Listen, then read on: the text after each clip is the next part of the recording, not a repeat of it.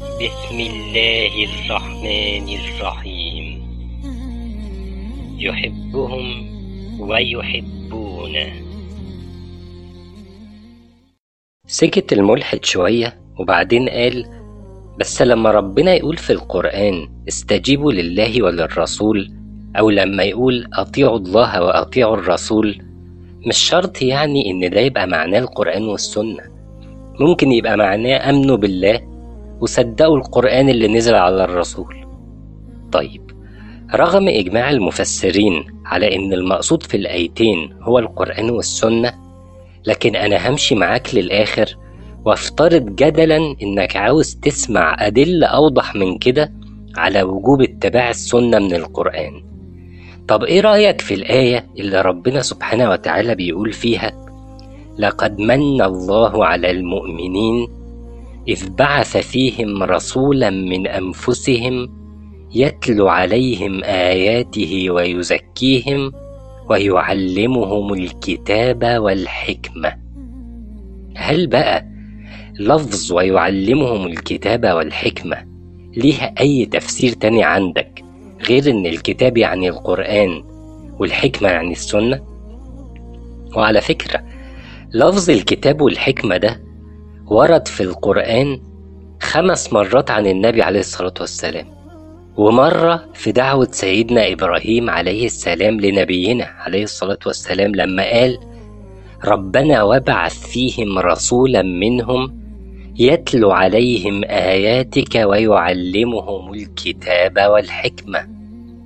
ومرة عن سيدنا إبراهيم عليه السلام وعن ذريته من الأنبياء لما قال سبحانه وتعالى فقد آتينا آل إبراهيم الكتاب والحكمة.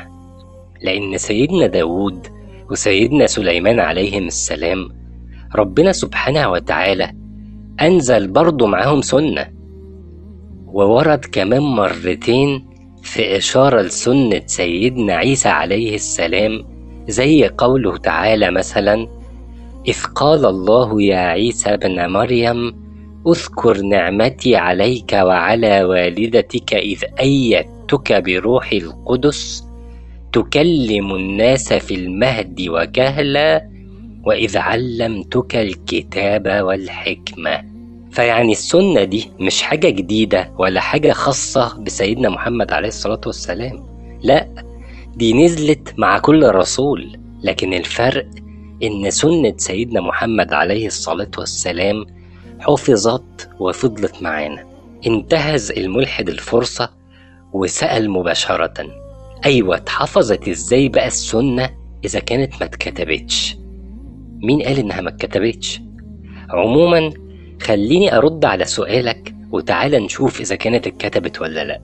أولا النبي عليه الصلاة والسلام أمر الصحابة إنهم يحفظوا سنته حفظ في الصدور وحفظ بالكتابة إزاي عرفنا الكلام ده؟ لأنه صلى الله عليه وسلم قال لهم نضر الله امرأ هنا الرسول عليه الصلاة والسلام بيدعي الواحد إن ربنا سبحانه وتعالى يحسن خلقه ويرفع قدره مين بقى الواحد ده؟ اسمع تاني كده نضر الله امرأ سمع مقالتي فوعاها وحفظها. الرسول عليه الصلاة والسلام هنا بيدعي الواحد إن ربنا سبحانه وتعالى يحسن خلقه ويرفع قدره. فمين بقى الواحد ده؟ سمع مقالتي فوعاها وحفظها. وبلغها. فرب حامل فقه إلى من هو؟ أفقه منه. يعني ممكن أنت تنقل حديث عن النبي عليه الصلاة والسلام لواحد فقيه فيشرحه هو للناس وتاخد أنت الثواب. فده كان أمر النبي عليه الصلاة والسلام للصحابة إنهم يفهموا ويحفظوا وينقلوا كلامه. فاسمع بقى بعد الكلام ده سيدنا عبد الله بن عمرو بن العاص رضي الله عنه وأرضاه بيحكي لنا. إيه قال كنت أكتب كل شيء أسمعه من رسول الله صلى الله عليه وسلم. أريد حفظه. فنهتني قريش وقالوا أتكتب كل شيء تسمعه ورسول الله صلى الله عليه وسلم بشر يتكلم في الغضب والرضا؟ قصدهم يعني ممكن النبي عليه الصلاة والسلام وهو زعلان يقول كلام ما يقصدوش أو وهو فرحان يقول كلام مبالغ فيه. فأمسكت عن الكتاب. فوقف سيدنا عبد الله بن عمرو كتابة أحاديث النبي عليه الصلاة والسلام.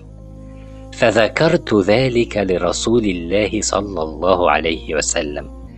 وراح حكى للنبي عليه الصلاة والسلام. فأومأ بإصبعه إلى فيه. يعني شاور النبي عليه الصلاة والسلام لفمه صلى الله عليه وسلم. فقال اكتب فوالذي نفسي بيده ما يخرج منه إلا حق. حلف النبي عليه الصلاة والسلام إن فمه ما بيخرجش منه إلا حق.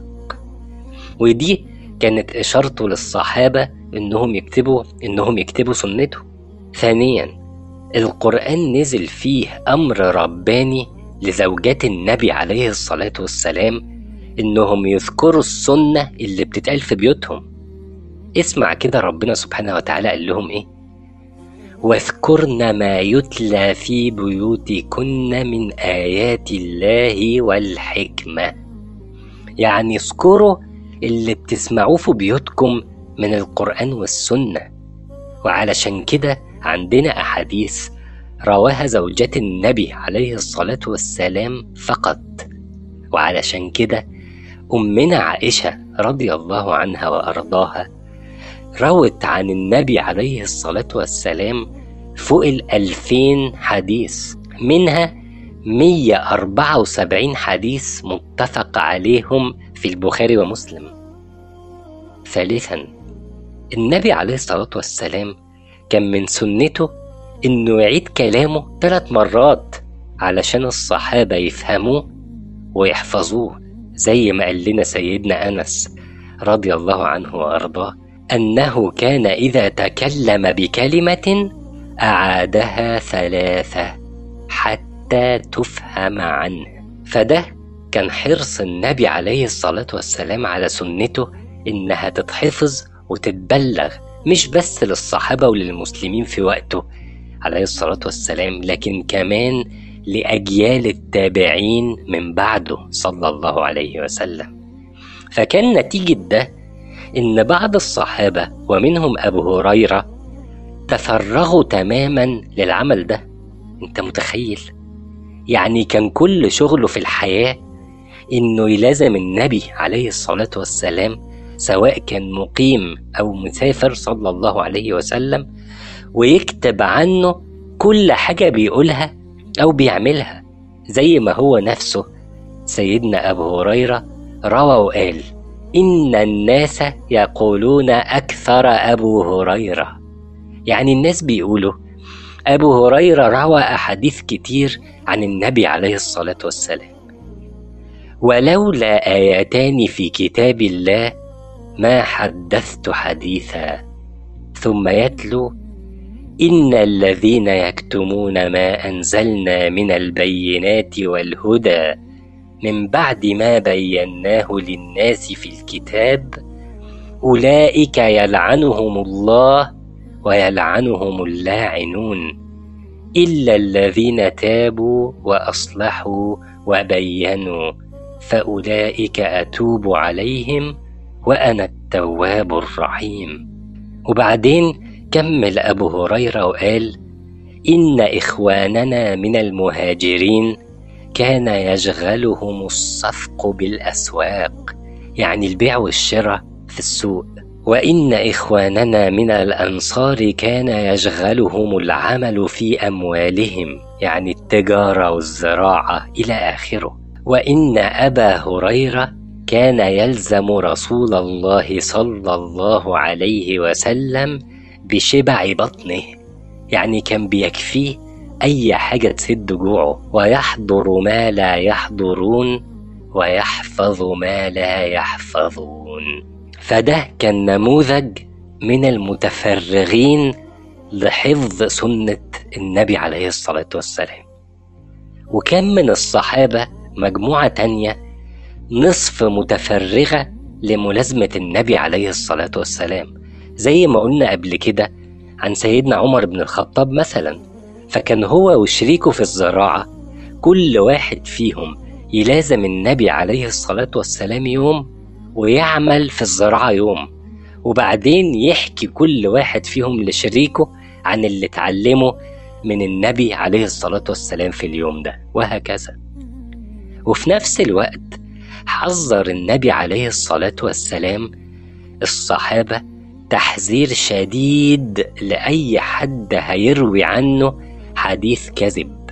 لما قال صلى الله عليه وسلم من كذب علي فليتبوأ مقعده من النار. فكانت النتيجة إن الصحابة رضي الله عنهم وأرضاهم ما حفظوش وما رووش وما كتبوش عن النبي عليه الصلاة والسلام إلا اللي هم متأكدين إنه قالوا فعلا عليه الصلاة والسلام.